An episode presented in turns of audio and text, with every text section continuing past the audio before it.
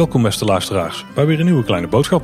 Welkom bij uh, weer een uh, nieuwe aflevering over de geschiedenis van de Efteling. Ja, eigenlijk wel hè? Ja, ja we, het, we, hebben niet echt een, een, reeks of zo, maar je zou kunnen zeggen dat je de aflevering over uh, 1991, de twee afleveringen over de geschiedenis van de Efteling voor 1952, dat je dat een beetje toch al kunt zien als geschiedenisafleveringen. En ja, vandaag beginnen we weer aan een zo'nzelfde soort aflevering eigenlijk hè. Nou, ik denk dat je het rondje Efteling ook wel kan uh, scharen onder die uh, categorie. Hoor. Ja, daar zat ook al veel geschiedenis in. Hè? Ja, we, we hebben het graag over geschiedenis. En ik geloof dat onze luisteraars het ook graag over de geschiedenis van de Efteling horen. Uh, maar deze week hebben we eigenlijk een, een heel specifieke invalshoek hè, als we het hebben over geschiedenis. Ja, ik denk dat we hier wel een nieuwe serie van kunnen maken hoor. Een soort subserie in de geschiedenisaflevering. Ja, daar neigt het wel naar. Ik heb, niet meer het, ik heb niet meer de verwachting dat we dit in één aflevering van anderhalf uur af gaan tikken. Nee. nee. Wij zijn er trouwens extreem goed in geworden om echt enorm lang om een onderwerp heen te kletsen. Zonder te noemen wat het nou is. Ja, dus een, moeten de bingo kaart van Ramon hè. Nee, we gaan het, we gaan het hebben in deze aflevering over niet gerealiseerde Efteling projecten. Ja, leuk. Ja. Ik heb er zin in. En projecten of ontwerpen of concepten of attracties of uh, sprookjes. Um, eigenlijk alle plannen die ooit zijn gemaakt voor de Efteling, die wij kennen, die nooit waarheid zijn geworden. Daar gaan we het in deze aflevering en hoogstwaarschijnlijk in meerdere afleveringen over hebben. Ja, we hadden dit idee een beetje gepitcht al eerder. En toen nog een keer op, op social media, vooral op Twitter. Ja. En toen kregen we echt bergen reacties van attracties waar jullie iets van wilden weten. En ja, we zijn daar ingedoken. Ja, inderdaad. Het was weer zo'n gevalletje dat ik van tevoren dacht van... ah, dan moet het even over hebben over het A-veld en Python Plus en Harthof en uh, Lummels. En dan zijn we een eindje. Uh, totdat ik inderdaad uh, nog eens goed ging nadenken. En we kregen inderdaad een bergtips via Twitter. we hebben ook Eftepedia uitgeplozen. Zo eerlijk moeten we ook wel zijn. Want het is natuurlijk de bron voor alle informatie over de Efteling geschiedenis. Ja. En zo kwamen we langzaam maar zeker aan een, een lange lijst met ideeën die nooit gerealiseerd zijn. Ik geloof dat ik hier, wat zal het zijn? 30 pagina's A4 voor me heb liggen, Paul. Zoiets, hè? Dus met alle ideeën? Ja, uh, dus er zijn enorm veel uh, uh, plannen waar we het over moeten gaan hebben.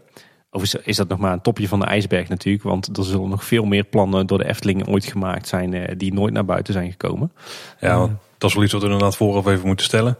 Kijk, het feit dat iets ooit een idee is geweest. We weten niet van al die projecten hoe ver ze zijn gekomen tot ja, hoe dicht ze bij echte ontwikkeling zijn gekomen. Want ja, voor ieder idee wat er is en wat uitgevoerd wordt, er zijn er zeker honderden die afvallen. En er zit ook een hoop van deze ideeën tussen. Maar daar komen we daar vanzelf wel langs natuurlijk. Ja, maar we ja. weten ook niet van alle projecten hoe ver ze zijn gevorderd geweest. Nee, inderdaad. Het is ook geen complete lijst. We weten ook lang niet altijd de jaartallen. Maar hoe we het aangepakt hebben, eigenlijk gewoon uh, de afgelopen weken, maanden hebben we alle concepten die we konden vinden, alle ontwerpen, alle plannen hebben we op een rijtje gezet. Uh, zoveel mogelijk informatie over opgezocht, uh, onze mening over gevormd, uiteindelijk uh, gehusseld en op volgorde van jaartal gezet. En ja, we gaan gewoon eens beginnen bij het begin, bij de plannetjes die we hebben ontdekt. en we hebben met elkaar afgesproken dat we een aflevering gaan maken van max anderhalf uur of zo. En dan kijken we gewoon ja, waar, we, waar we gebleven zijn.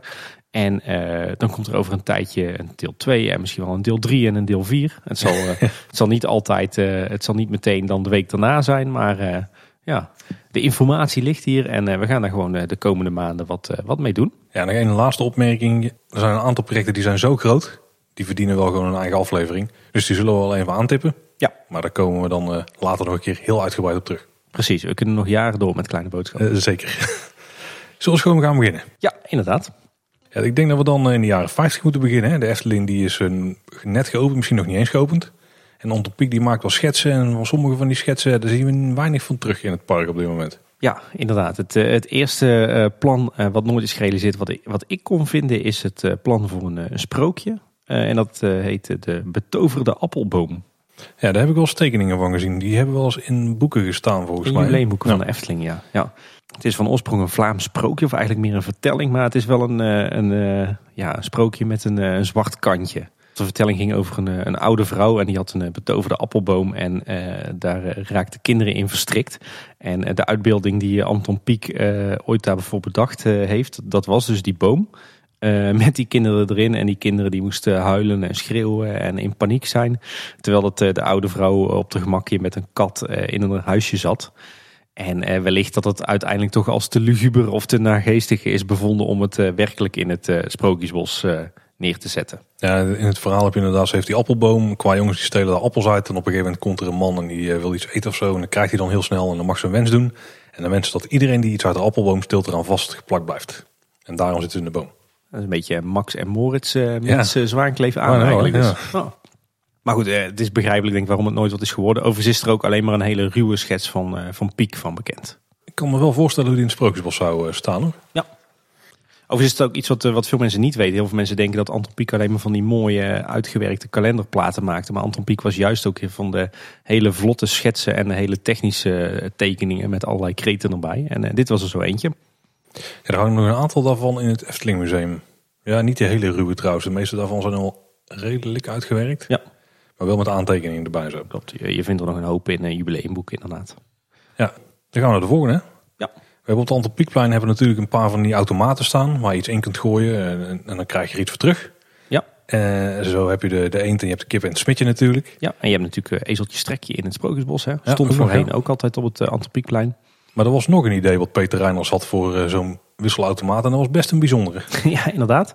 Eh, die zou gaan heten De Gierige Vrek. Goeie naam, goeie naam. Hele, hele sterke naam. Ideetje uit de medio jaren 50 waarschijnlijk. En er was een idee van Peter Reiners voor een hele bijzondere wisselautomaat. Want als je daar een gulden in gooide... Wellicht dat we luisteraars hebben die dan nooit meer, eh, nog nooit mee betaald hebben. Maar, Het is al een tijdje geleden. Ja. Maar als je daar een gulden in gooide, dan eh, zou de automaat negen dubbeltjes geven. Eh, vergezeld van een, eh, een vals gegniffel van een, eh, een vrekfiguur, zichtbaar in de automaat. En ja, dan was je eigenlijk plat gezegd genaaid, hè? ja. Vraag me wel af hoe ze hadden bedacht waar ze al die dubbeltjes vandaan gingen krijgen. Maar Ja, inderdaad. Volgens mij heeft hij wel testopstellings voor gemaakt. Ja. Ik vind dit een heel leuk idee. Echt een soort cynische, cynische humor waar ik wel van houd. Ja, maar het is toch wel vergelijkbaar. Kijk, ja, het is niet echt vergelijkbaar met de automaten die er nu staan. Maar daar stop je er iets in. En dan krijg je waarschijnlijk iets voor terug wat niet zoveel waard is als hetgeen waar je erin hebt gestopt. En eigenlijk is dat hier precies hetzelfde. Ja, nou, wat waar me een beetje aan deed denken zijn, je, je hebt nu van een aantal van die eh, automaten staan waar je volgens mij, eh, wat moet je erin gooien, een euro en, eh, en vijf cent. En dan krijg je dan- platgedrukte 5 cent terug. Ja, nou, en dan rekken ze vijf cent uit met, en dan drukken ze er een stempeltje in. Dat, dat gevoel geeft mij een beetje hetzelfde gevoel van bedrog. Maar dan is eigenlijk deze nog veel leuker. Ja, deze vind ik eigenlijk best leuk. Ik, en, en de naam is gewoon ijzersterk, hè, de gierig vrek. Ik kan wel voorstellen dat ze dit inderdaad niet hebben gedaan. Omdat het toch een beetje zure reacties zou kunnen oproepen. Ja, En in de tijd dat dit eh, werd gepitcht was een gulden misschien nog redelijk wat waard. ja dat Is uh, ook in medio jaren ja. 50 wel, ja. Ja. Nou, ik snap eh, dat die uiteindelijk niet van de grond is gekomen. Maar het zou wel leuk zijn om er ooit nog een, eh, een knipoog naar terug te zien. Ja, en dan moet je gewoon eh, contactloos eh, betalen. En dan krijg je, ik weet niet, ook, eh heet het Ja. de dubbeltjes? De 10 centjes tegenwoordig? Ik Nee, noem ze nog wel dubbeltjes, maar dat ligt misschien meer aan mij. Ja, dat, volgens mij heette die officieel anders. Een volgend project, eh, waarschijnlijk afkomstig uit het jaar 1957, is eh, de jongen die op reis ging om het griezelen te leren. Ah, dit is een interessante, ja. Ja, dat is eh, een sprookje van de gebroeders Grimm. Overigens met een enorm slechte naam. Die wel prima had gepast in Disney tegenwoordig. Ik wou het net zeggen, ja, Disney Universal. Ook overigens qua thema. Het, want in het sprookje is, geloof, gaat het geloof ik over een, een jongen die met een vliegend bed op pad gaat, hè, toch? Ja, ik ken het sprookje niet helemaal uit mijn hoofd. Eh, nou, oké. Ik zal het even opbiechten. Ik ken hem helemaal niet uit mijn hoofd. maar, maar er is inderdaad, een, een bed is een belangrijk element erin. Want Ja. dat was ook een belangrijk element in die attractie. Ja, inderdaad. Het, eh, het vliegend bed stond eigenlijk een beetje centraal in eh, het sprookje. Ik heb het als kind nog wel een paar keer gelezen, maar dat is lang geleden. Maar het was weer een idee van Peter Reinders. Natuurlijk destijds de grote technische man in de Efteling. En er is niet heel veel van bekend wat hij hiermee bedoelde. Maar hij wilde eigenlijk een soort achtbaan eh, waarin bedden het vervoersmiddel waren. En eh, ja, wat is nou uiteindelijk met die plannen gebeurd? We zien er wat van terug in eh, latere plannen, zoals het, het A-veld. Wellicht ook de heksenkelder en de heksenketel. Nou, dat zijn allemaal namen die onze luisteraars waarschijnlijk nog, nog niets zegt. Maar die komen we later in deze of in volgende aflevering met het thema tegen. Maar ja, dit is eigenlijk het eerste echte attractie-idee. Ja, en ook meteen wel een achtbaan, hè? want daar leek het wel op te wijzen. Ja, absoluut. Er is ook een schetsje van Anton Pieck. En dan zie je eigenlijk een soort torentje waar een trap omheen draait. En daar glijdt dan die, eh, ja, een van de- die bedden vanaf Ja. met iemand erin. Dan kan ik me niet helemaal voorstellen hoe een bed had kunnen werken als achtbaanvoertuig. Maar daar hadden waarschijnlijk nog niet zo heel veel... Uh... Nou ja, als je bedenkt wat ongelooflijk log en lomp de boten van de Vliegende Hollander zijn... dan had je ook best wel een bed als achtbaanvoertuig kunnen thematiseren. Ja, maar dan, of andersom is dat dan. Maar meer hoe werkt dan? Ik denk niet dat toen iets is waar ze zich echt heel erg druk op maakten. Want volgens mij was de eerste stalen achtbaan, was, die was toen nog niet eens geopend. Volgens mij is die van eind jaren 50. Ja, in, inderdaad. Disneyland. Uh, Disneyland Anaheim, hè? Oh. Dus ze maakten zich niet heel erg druk om hoe het dan in de praktijk uitgewerkt moest worden bij dit ruwe idee. Want veel verder is volgens mij niet gekomen. Ook dit is gebleven bij een schets, ja. Maar hoe zou, hoe zou dat werken? Stel, we gaan het wel fixen.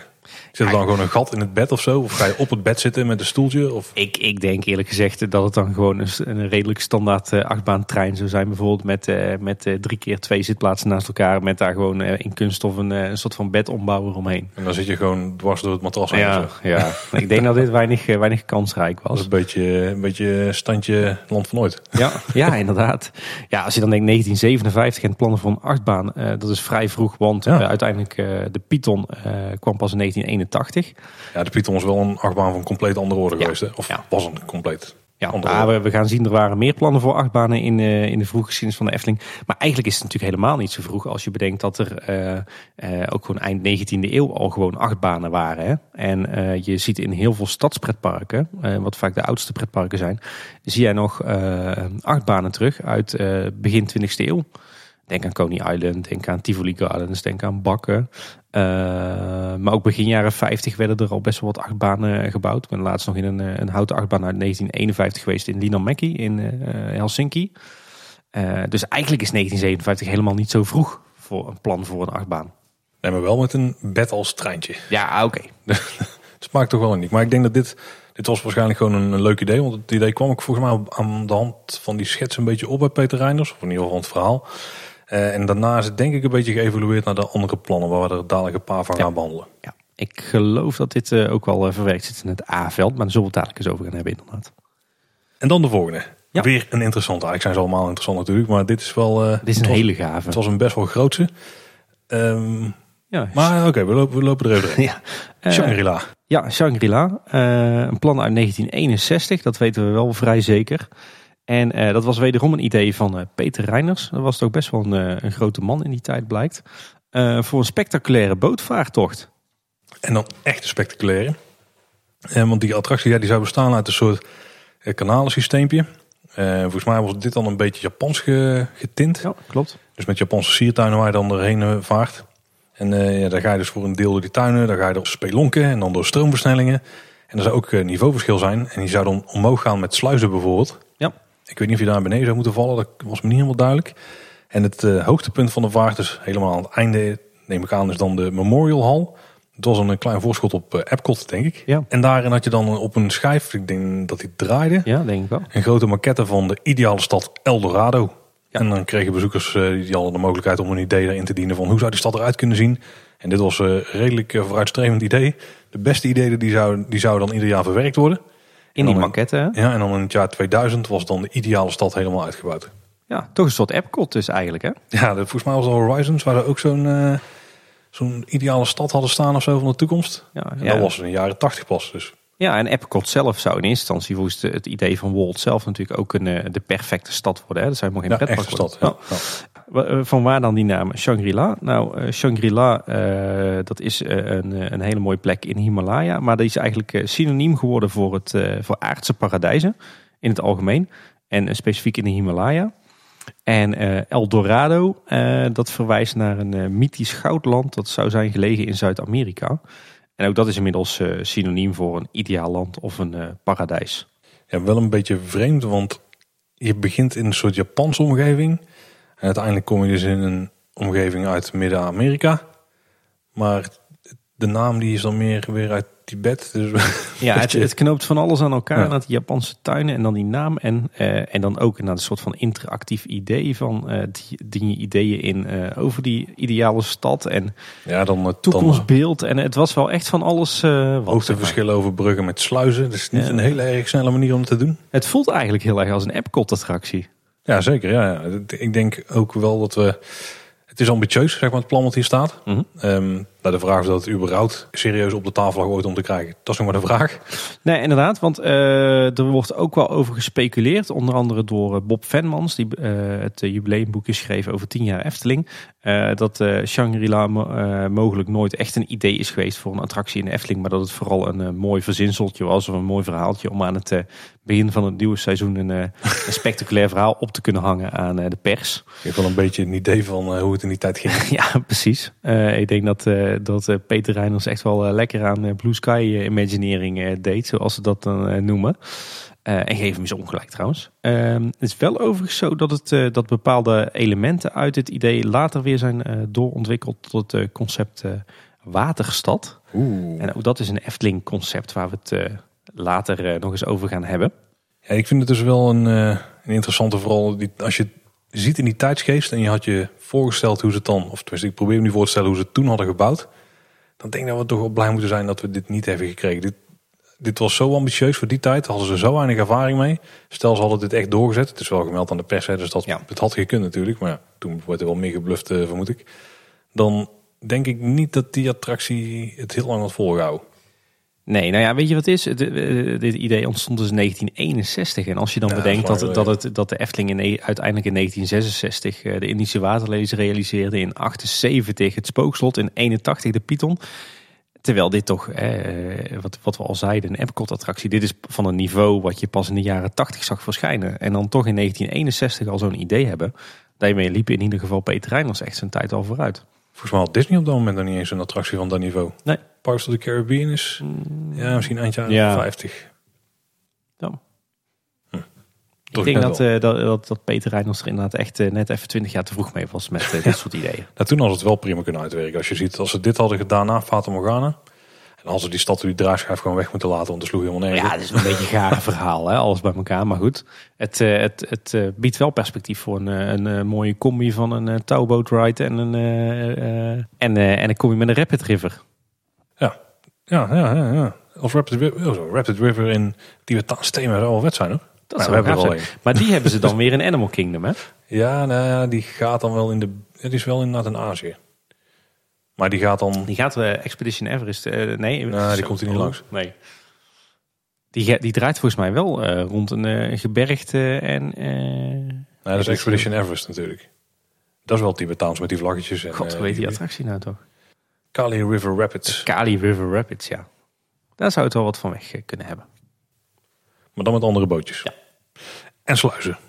Wie gebruikt dan een sluis in zo'n attractiepark? Dan had je er vier naast elkaar moeten hebben om een beetje de guestflow op gaat, te gaat ook niet helemaal goed met een, een touwboot ride, hè? Overigens, de attractie Vliegende Hollander maakt wel gebruik van sluizen, hè? Uh, even kijken. In, uh, in de Vliegende Hollander zit op, uh, zit op twee plekken een sluis. Om ervoor te kunnen zorgen dat, uh, dat uh, de binnenattractie kan worden afgesloten van de, oh, zo, het buitengebied. En uh, dat ze of de hele binnenattractie kunnen leegpompen. Terwijl buiten gewoon water in de vijver blijft staan. Of alleen het, het station en het, het pre-station, zeg maar. Hm. Dus er is wel degelijk een, een attractie in Efteling met sluisjes. Kijk, dit is ook een beetje toch in de toekomst weer op teruggegrepen. Ja. Heel slecht. Uh, en dan komen we eigenlijk bij het allereerste echt grote project, wat ook echt heel ver is uitgewerkt. En ook het eerste project wat mij uh, op het netvlies uh, viel. Waar zelfs een startschot voor is gegeven ja, Namelijk de hele sexy naam. Het A-veld. een plan uit wat een beetje speelde rond 1967, 68. Zo eerst eens naar die naam kijken dan, want de naam is inderdaad niet zo sexy. Je zou kunnen denken het A-veld, oh, dat is dan de meest prominente plek in het park. Daar zal nu nog een grasveld zijn en er moet een attractie eh, komen. Of een verzameling attracties in dit geval. Dit komt volgens mij af van de naam van het voetbalveldje wat er lag van Desk, wat daar toen nog zat. Want veld A was een van de velden eh, van het voetbalclub. Oh ja, ja inderdaad, goed punt. De, maar ja, jij zegt dat, maar... Ja, volgens mij was het vreemd alleen dat niet uh, het uiteindelijk beoogde plekje waar dit zou moeten komen, de aanveld was. nee, precies. Nou, er is onduidelijkheid over wat de, de locatie nou precies was. Hè. Hoogstwaarschijnlijk de, de speelweide in de buurt van het Antropiekplein. Uh, maar ook het, uh, de zuidkant van het park wordt genoemd. En de, de, de plek waar nu de fietsenstalling ligt op dit moment. En dat is volgens mij inderdaad ook de plek waar het A-veld van Desk lag. Ja, oké. Okay. Ik, ik had altijd in mijn hoofd dat vooral hier bij het Antropiekplein was. Eigenlijk de ja, speelweide. Ja, ja, inderdaad. Hm. Nou ja, wat, uh, wat was het dan? Ja, dit was een uh, best wel uitgebreid plan. Hè? Ja. Er stond uit verschillende attracties, uit horeca, uit uh, andere manieren van vermaak die we eigenlijk niet in de Efteling vinden op dit moment. Nee, echt een, eh, een themagebied. Hè? Ja. Het doel was een beetje het bouwen van een speeltuin voor grotere jeugd. Meer uh, 12 tot 16-jarigen. Zeg maar een beetje het Walibi Holland publiek zou je nu zeggen. En een betere spreiding van bezoekers door het park heen.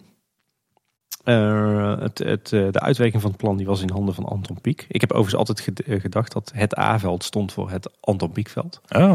Dat is misschien een beetje wishful thinking van mijn kant geweest. En in het, het, het allereerste plan zaten een aantal onderdelen. er zat een achtbaan in tegen Mhm. een Zwitsers berglandschap. Een beetje afgekeken misschien van de Matterhorn bobsleds. Ja, of van de roetsebanen in Tivoli Ah, ja, dat is ook wat zo'n. was die berg er altijd al bij, Ja, Roetjebanen? Ja, Oké. klopt. Uh, er zat een ruïne in met een spookhuis. Een uh, lui lekkerland. Dat Ja. was een uh, verzameling gekke huisjes en dikke mannetjes uh, die op de grond lagen. Omgeven door een uh, ronde muur van rijstebrei. Oké, buiten die rijstebrei komt me dit wel bekend voor. Ja, inderdaad. Hou die gedachte even vast. Uh, mijn fietsen zaten erin. Ja, is oké. Uh, een uh, muziekkiosk met uh, dansvloer. Dat is dan meer van zo'n stadspretpark afgekeken. Ja, ja, ik stel me een soort spiegeltent voor bijvoorbeeld. Uh, een herberg met een uh, groot orgel, dansorgel en gelegenheid om te dansen. Nog meer dansen. Ja, een doolhof met een spiegelzaal. En uh, nog een orgeltje. Een paardentram. Een wijnstoebe. Een poffertjeskraam. Een broodjeswinkel. Een tabakswinkel. een tabakswinkel. Ja, zou nou nog goed passen, denk ja, ik. Een snoepwinkel. Een ijskookkar. Een nogakraam. En een palingkraampje. Oh. Maar de laatste, de, al die gebouwtjes waren al een beetje in een soort dorpsopstelling opgesteld. Ja, ja. ja het moest echt een, een soort uh, ja, dorpje worden ja inderdaad. volgens mij had je de berg, um, had je een beetje de, op afstand uh, het spookhuis. Dan had je het uh, het dorpje. En dan volgens mij nog het Dolhof. Dat waren een beetje de hoofdonderdelen. Ja, en daar liep, uh, daar liep een heel systeem van water doorheen. Wat Mhm. ook weer verschillende attracties met elkaar uh, verbond. Hè. Dus het werd echt eigenlijk een soort van groot uh, themadeel. Of bijna een soort pretpark op zich. Met inderdaad en horeca en vermaak. Een soort uitrijk, zeg maar. En, en attracties. Ja, en je zegt net, je hebt het water. Maar het water zelf was ook een attractie. Hè? Een Ja. soort hoofdbootattractie. Ja, een soort kanaal hè, met bootjes erin. Oh. Dat hebben ze dan weer gehad bij uh, Westcott. Wat ze ooit wilden openen Ja. als tweede park bij uh, Disneyland. Ja, dat zijn een beetje de hoofdonderdelen. Maar we zien ook nog een, eh, heel wat andere dingen op, eh, op de tekeningen die Antropiek eh, er ooit voor hebben gemaakt. Eh, er zou ook een circuit komen met automatische bootjes. Misschien een soort radiografisch bestuurbare bootjes of zo. Mhm. Een traject met oude voertuigen. Nou, misschien een, eh, Een soort oude tuffer. Oude wel, tuffer, ja. ja. eh, wat klimrekken, schommels en wippen.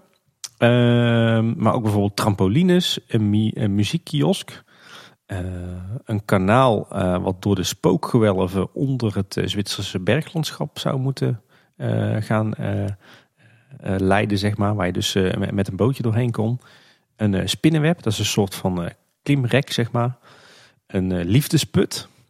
Een eh, toren van Babel, dat is een soort hele ingewikkelde glijbaan. Mhm. Een walvis, wat ook een glijbaan blijkt te zijn. Een botenhuis en een overdekte winkelgalerij. Zo. Ambitieus. Een, eh, een ambitieus plan, ja. Bij een heel attractiepark gewoon eh, in één project. Ja, heel, heel super gaaf. Hadden ook het waterkanaaltje wat dus overal doorheen ging. Volgens mij was dat ook hetgeen wat dan door het slot heen ging. Maar volgens mij ging die ook door dat Lekkerland gebied heen. Klopt, Kon ja. daar een beetje doorheen. Eigenlijk waren al die, eh, al die attractietjes in dit, eh, dit gebied waren met elkaar eh, versmolten en verbonden, zeg maar. Eigenlijk was de, was de Efteling daar, in dit geval Anton Pieck, weer zijn tijd mee vooruit. Ja. Want je had dan weer die bootvaart, die liep dan weer door. en dat grottenstelsel wat dan weer in die berg zat, waar vervolgens weer de achtbaan overheen ging. En Mhm. ja, zo was het allemaal in elkaar gesmeed. Het klonk wel echt als een soort eh, droomvisie die ze hadden voor dit, voor dit gebied. Ja, Ja. Ja, misschien is het even goed om, om even een tijdlijntje erbij te pakken. Eh, Mhm. Wat bekend is, is dat op 30 november 1967 eh, er door eh, burgemeester Van der Heijden, of ja, op dat moment stichtingsbestuurder, dat er goedkeuring wordt gegeven voor de uitvoering van de eerste fase. Eh, maar op dat moment wordt eigenlijk geen van de attracties doorontwikkeld.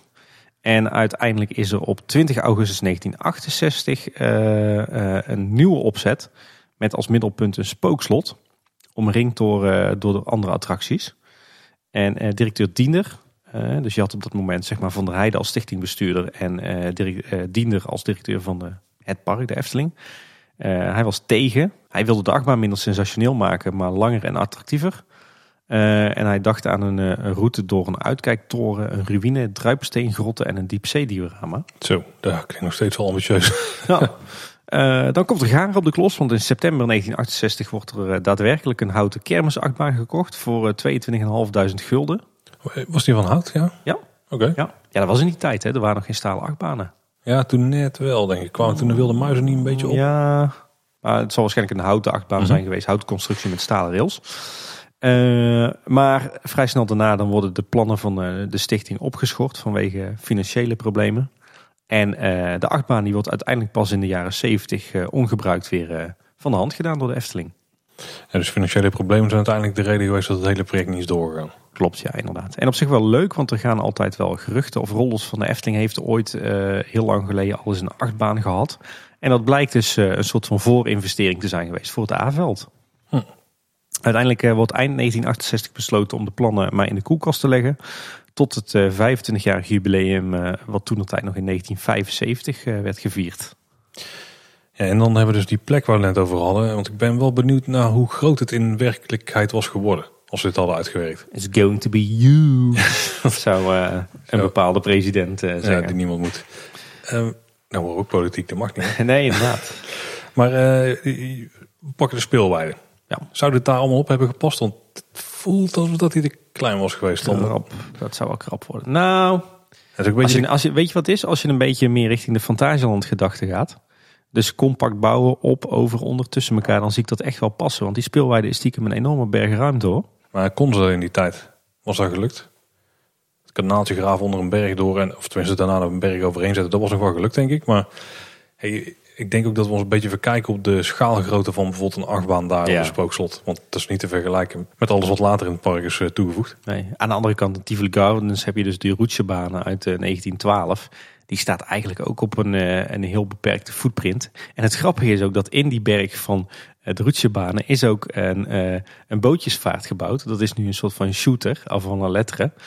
Dus langzaam maar zeker krijg ik wel de indruk dat dat ze naar eh, Tivoli Gardens in Kopenhagen zijn geweest om inspiratie op te doen voor dit A-veld. Mm, Daar heeft het ook een, een, enorm kleine footprint. En nu het zegt, ja, want je had dan ook zo'n dorpspleintje. Daar hebben ze natuurlijk ook vaak van die stadspretparken. Ja. Dan ook gebouwtjes waar er van alles in zit. Ik denk dat ze hier gewoon eigenlijk een soort van stadspretpark op uh, bijvoorbeeld de speelweide wilden bouwen. Ja, maar dan een beetje een ander pieksferen. Ja. Hoe nou ik daar zo hoor. Ik uh, begin wel uh, verlekkerd te worden. Ja, ik denk dat die achtbanen zo, dat we daar echt niet te veel van hadden moeten voorstellen. Maar het hele dorpspleintje idee, daar zie ik nog steeds wel zitten. Nou ja, weet je waar mij dit heel erg eh, aan doet denken? We hebben het in, in Kleine Boodschap natuurlijk al wel vaker gehad over onze wensen voor de toekomst. En eh, ik voel wel aansluiting bij twee van onze ideeën. Wij hebben natuurlijk alle twee, uh, zien wij wel een uh, groot uitrijk voor ons. Wat is uitgevoerd als een soort piekstadje met ook dorpse elementen. Met winkeltjes, restaurants, het, waterlopen, et cetera. Uh, en ik ben zelf een groot voorstander van om op uh, de speelweide een soort permanente evenementenvoorziening te maken in het, uh, het Pieks-thema. En heel veel van die elementen die, we, die in dit A-veldplan zitten, die zouden wat mij betreft prima passen in een uitreiken of in zo'n permanente evenementenstad op de speelweide. Ja, ja, die, ja, ja, ja, ja, ja, ja, dat klopt. Ja. ja. Ik denk wel dat de ambitie die ze hiermee hadden misschien dit nog niet haalt bij ons uitreiken. Maar. Mm, nou, qua, het is wel echt een uh, mooie tussenvorm tussen uh, attracties en horeca en evenementen. Ja, maar dan moet je het wel een beetje naar de 21ste eeuw trekken natuurlijk. Ja. ja zeg maar, als ik me voorstel hoe ze hadden uitgewerkt in de jaren 60, dan was het denk ik wel wat kleiner geweest dan we nu misschien voorstellen. Ja.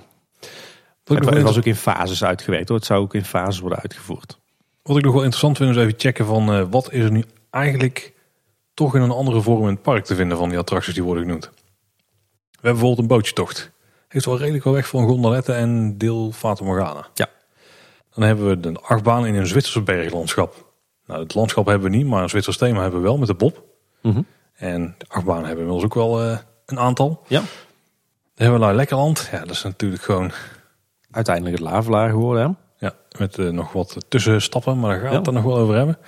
Het mijnfiets, ja, ik wist niet helemaal wat dat was, maar ik stel mij een soort monorail voor. Ja, ja denk ik ook. Zo, dat wil ik ook aan het denken. Dus die hebben we ooit gehad, maar nu hoef je niet met fietsen. Dan uh, een muziekkiosk met dansvloer. Nou, de kiosk hebben we wel gehad. Of hebben we nog steeds. We hebben ook een spiegeltent in de Efteling gehad, hè, een tijdje. Met dansvloer. Ja, maar echt een dansvloer ja, hebben we niet. Ja, misschien dat het, uh, ja, carouselpaleisje nog een beetje hier aan kan doen denken. Een herberg met groot orgel en gelegenheid om te dansen. Ja, die hebben we niet echt. Hè? Wel een herbergje. Ja. De Efteling. Ja. Maar En grote orgels, ja, die hebben we wel links en rechts gehad.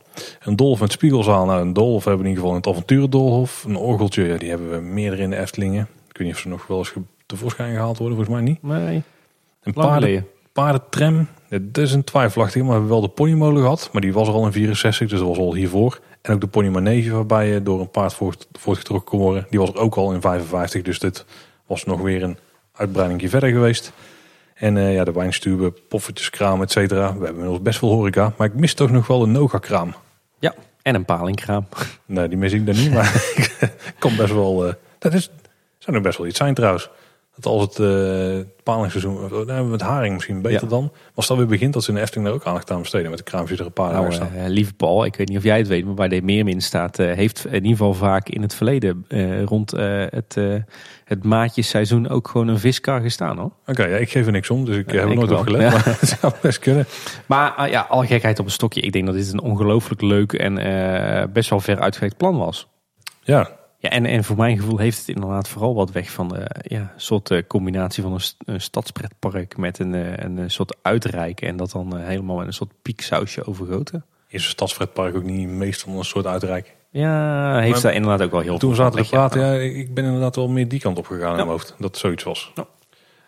En we hebben natuurlijk nog het eh, spookhuis, spookslot. En die hebben we ook gewoon bijna één op één gekregen. Waarschijnlijk wel een betere uitvoering dan we hier hadden gehad. Ehm, mooi plan, maar het is er nooit van gekomen. Eh, een ander mooi plan, wat eh, wellicht ook een link heeft met dit A-veld, is het, eh, het plan voor de heksenkelder. En dat was een plan, kwam ook uit eind jaren 60. Eh, een plannetje van Anton Pieck en waarschijnlijk ook wel van Peter Reiners.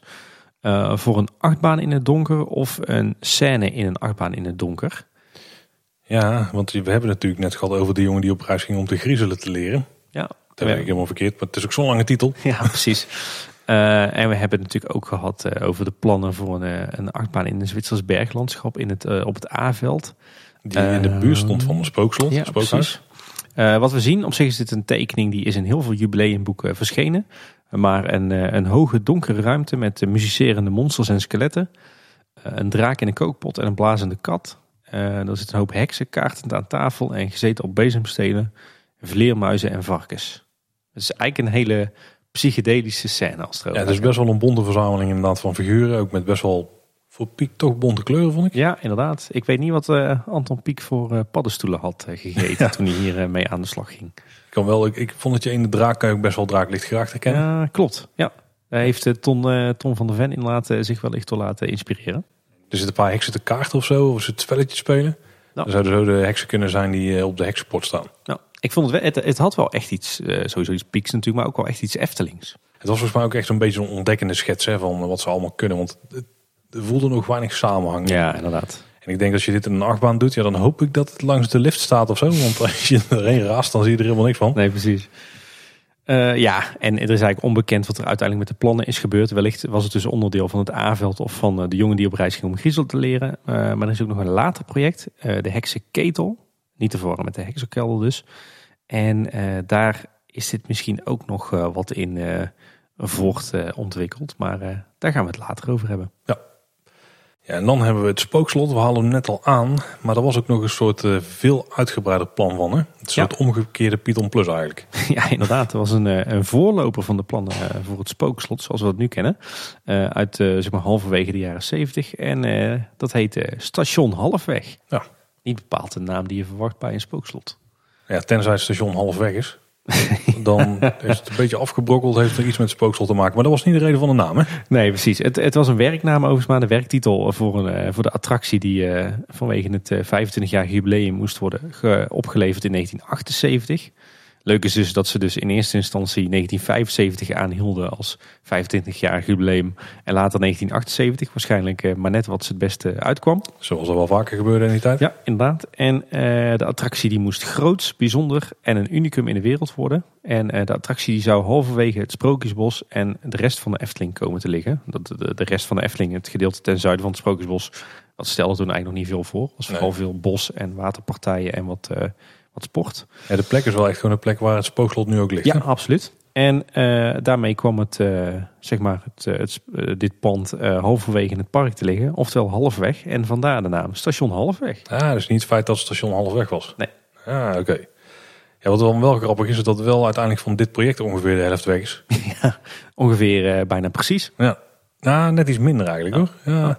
Want als je kijkt naar wat het project eigenlijk was, um, we moeten de plek zien waar het spookslot nu ligt. En stel je staat daar voor de ingang, of eigenlijk misschien ook beter, je staat voor de tunnel. Met aan de linkerkant de ingang van het spookslot. Mhm. Als je dan aan de rechterkant zou kijken, dan zou je er ook nog een ruïne zien. Die ongeveer net zo groot was als het deel dat aan de linkerkant lag. Ja.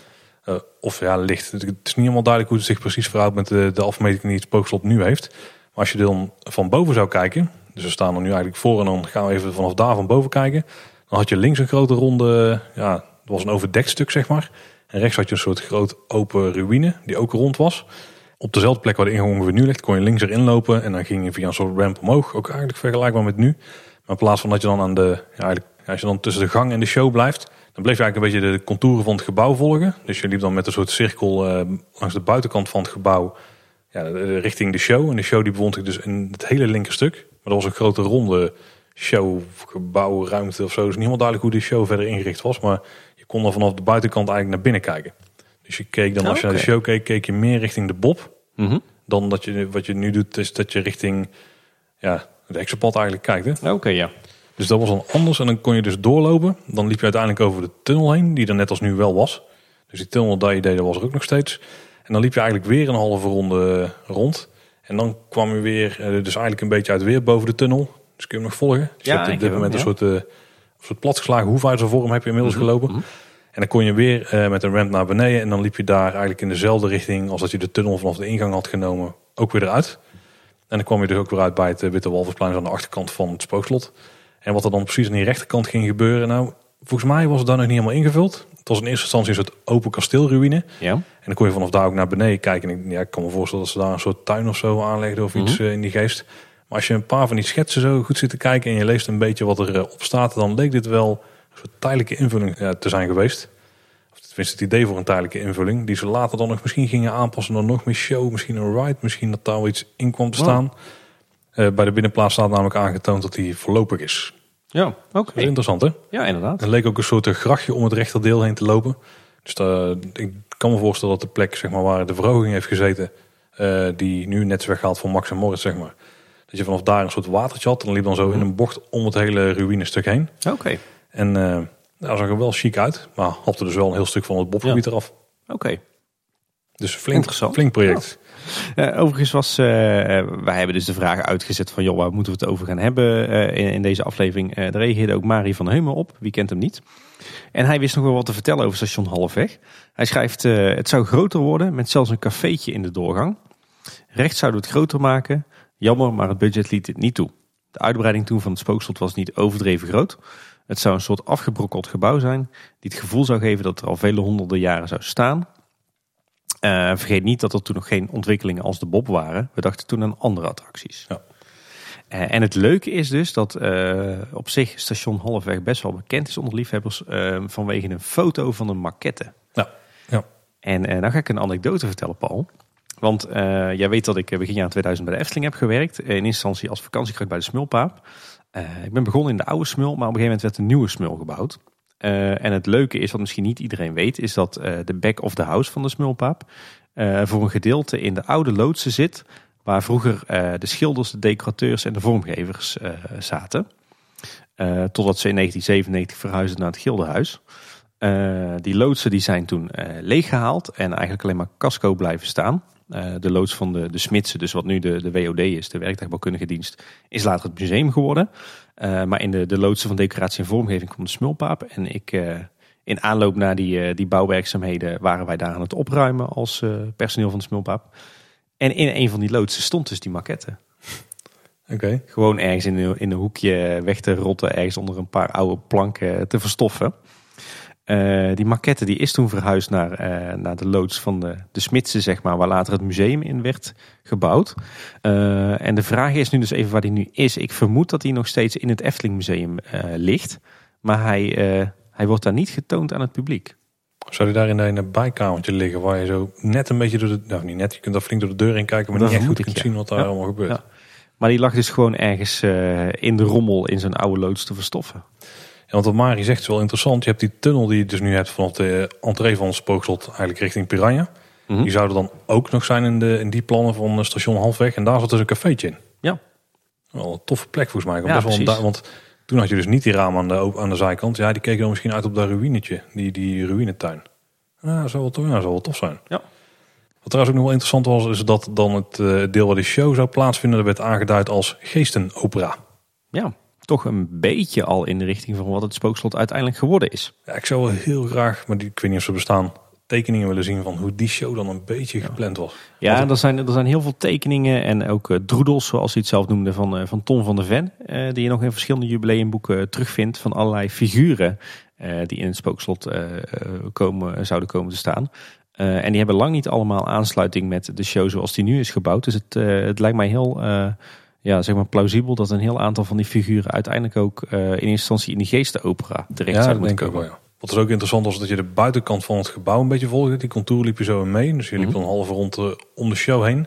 Eh, maar als je nu naar de Spooksel show, kijkt, dan zit er wel een lichte buiging in de tribune, Ja, zeg maar. Ja, Maar daar stond je echt bijna een 180 graden omheen. Dan had je een Ja. 180 graden achterwand. Dus je kon heel gaaf van eigenlijk. heel veel plekken, verschillende hoeken, kon je alles dan eh, gaan bekijken. Ik kan me voorstellen dat die show technisch ook niet zo praktisch was. Ook met belichting en zo, die je dan waarschijnlijk ziet hangen. En Maar... financieel ook natuurlijk. eh, dit kost natuurlijk eh, klauwen met geld. Ja. Maar wel een goed ontwerp. Ja, en je had het net over die figuren. Ehm, er zijn er een paar inderdaad niet van uitgevoerd. En eentje ervan was de dirigent, hè? Ja, dus toch wel de meest illustere figuur. Ontwerp van Tom van der Ven. Eh, en de dirigent die zou als eh, animatronic op het bordes vooraan in de show geplaatst worden. Eh, om de verschillende zeg maar, spoken en andere elementen als een soort van orkest aan te sturen. Hij zou zelfs tegen de ruiten van de publiekstribune hebben moeten tikken. Oh, dat was wel een beetje breaking the fourth wall geweest, hè? ja, inderdaad. Die dirigent die is uiteindelijk nooit in de, de definitieve inrichting van het spookslot terechtgekomen. Eh, Nou ja, n- niet als pop. Nee, Maar Tom zelf is wel een soort eh, dirigent geweest in spookslot. ja. Tijdens het, eh, het inprogrammeren van de show. Hè? Ja, toen Ja. heeft hij als soort dirigent aan iedereen aangegeven wanneer ze op de knoppen van de apparaten moesten drukken. Die, eh, die drukken zijn allemaal opgenomen. En die worden dan iedere keer afgespeeld nog steeds. Ja, door de soort van showcontroller inderdaad. Nou, uiteindelijk is die er vanwege budget niet gekomen. En Ton heeft er toen voor gekozen om dan die, die dure animatronic maar weg te laten. In plaats van dat alles gekaasschaafd moest worden. Maar ook dat plan is niet eh, helemaal verdwenen. Want uiteindelijk klopte in eh, 1987 eh, TNO aan bij de Efteling. Eh, om te kijken of de Efteling eh, samen wilde werken met TNO om een soort van nieuwe robotarmtechniek te ontwikkelen. Ja, dan bedoel je dus een, een menselijk Ja. uitziende arm. Ja, niet zo'n ja. KUKA-ding. eh. Nee, eh, een prothese, werkende prothese, zeg maar. Eh, en de Efteling die ging daarin mee. Die overweeg in eerste instantie ook nog om eh, alsnog die eh, dirigent te plaatsen in het spookslot. En daar deze samenwerking voor te gebruiken. Maar uiteindelijk werd er toch voor een ander figuur gekozen. En dat werd de Trollenkoning uiteindelijk. Nou, dan moet ik zeggen, nu we het er nu zo over hebben. Je weet dat ik animatronic fan ben. Echt waar? Dit zou het spookslot toch wel echt een, een lichte impuls weergeven, denk ik. Zo'n hero animatronic vooraan. Zeker omdat je er dicht op staat, dan moet het effect ook echt super overtuigend zijn. Ja.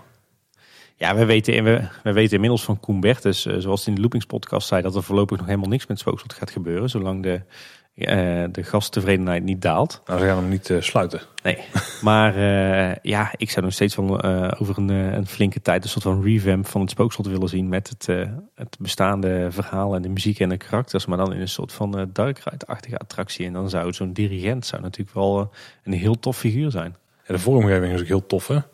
Het is een beetje zo'n oude, kalende, ik noem het man, maar het is natuurlijk een spook. Mhm. Met zo'n hangend gezicht en dan zo'n hele lange baard. Of eigenlijk ook van die haren die naast een, hoe noem je eigenlijk? Zo'n, Bakkenbaden. Nee, die ook nog, eh, als je zo'n eh, zo'n paterkruintje hebt, zeg maar. Dan heb je nog wel van die haren net boven je oren en Ja. eh, rondom zitten zo. Die zijn dan heel lang en die lopen ze over in zijn baard. En dan zo'n zo'n hangend gewaad eraan. En een, natuurlijk een dirigeerstokje. Die dan net een beetje zo, eh, alles wat een beetje hangt, daar uitzicht dan in een punt die een beetje op de grond komt. Ik denk dat daar dan een mechanisme in had gezeten Ja. om hem omhoog te houden met wat techniek erachter.